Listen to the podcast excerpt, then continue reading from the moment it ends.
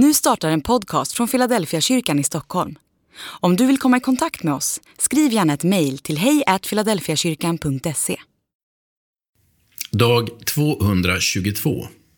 Utan rot.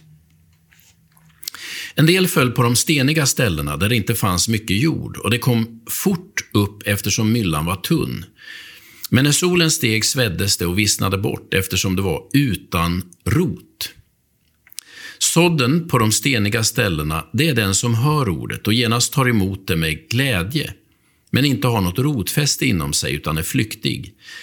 Blir det lidande och förföljelse för ordets skull kommer han genast på fall. Matteus kapitel 13, vers 5 och 6 och vers 20 21. Det finns två delar av alla växter. En del ovan jord och en del under jord.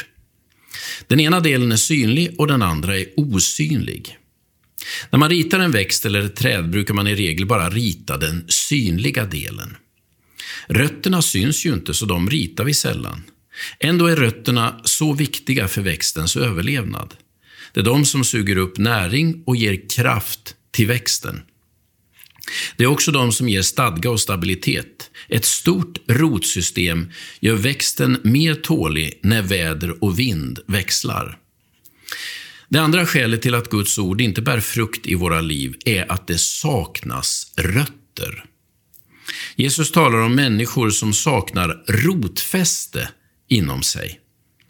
Till att börja med ser allt bra ut. Man tar emot ordet med glädje, säger Jesus, men sen skiftar omständigheterna, svårigheter och motgångar dyker upp. Omständigheterna stödjer inte längre det Gud har planterat i våra liv. Snarare tvärtom. Allt runt omkring pekar åt fel håll. Hur klarar man sig då? Jesus svar handlar om rötter som gått på djupet i vårt inre. Det som liksom får leta sig ner i vår tanke, vår känsla och fått prägla vårt inre.